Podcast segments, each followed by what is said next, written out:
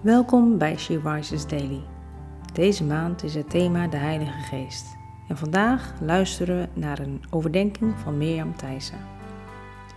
We lezen uit de Bijbel 2 Petrus 1, vers 21.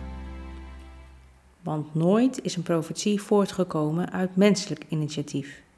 Mensen die namens God spraken, werden daartoe altijd gedreven door de Heilige Geest. Hij geeft Gods woorden door. Wat mooi om te mogen weten dat alles wat er namens God gesproken is, echt uit Gods Heilige Geest zelf voortkomt en niet komt uit menselijk initiatief. Want we mogen ook weten dat God nooit liegt, dat God trouw is en dat Hij altijd de waarheid spreekt. Wat een vertrouwen mogen we dus hebben in het woord van God en zeker weten dat het de complete waarheid is. De Heilige Geest geeft Gods woorden aan ons door, zodat we God mogen leren kennen en mogen leren wat God van ons vraagt.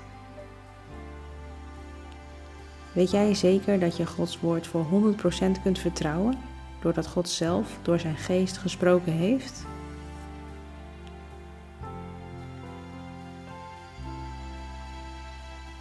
Laten we bidden.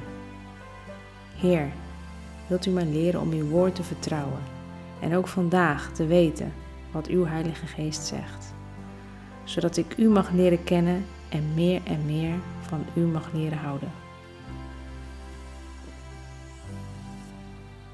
Je luisterde naar een podcast van She Rises. She Rises is een platform dat vrouwen wil bemoedigen en inspireren in hun relatie met God. We zijn ervan overtuigd dat het Gods verlangen is dat alle vrouwen over de hele wereld Hem leren kennen Kijk op www.she-rises.nl voor meer informatie.